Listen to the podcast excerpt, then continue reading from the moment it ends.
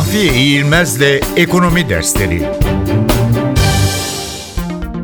Gevşek para politikası Bir ekonomide eğer deflasyonist eğilimler egemense ve fiyatların sürekli olarak düşerek ekonomiyi olumsuz yönde etkilemesi önlenemiyor, bu da büyümenin düşmesine yol açıyorsa Merkez Bankası gevşek ya da genişletici para politikası uygulamasına başvurabilir. Gevşek para politikası ekonomide küçülmeye yol açan temel neden olarak görülen toplam talep düşüşünün tekrar artışa dönüştürülmesini hedefler. Bunu sağlamanın yolu para arzının arttırılmasından geçer. Merkez Bankası bu durumda elindeki para politikası araçlarını para arzını artıracak biçimde kullanır.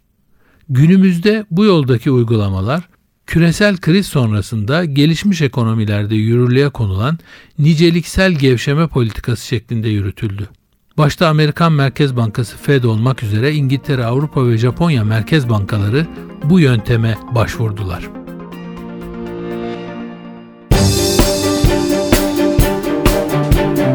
Mahfiye İğilmez'le Ekonomi Dersleri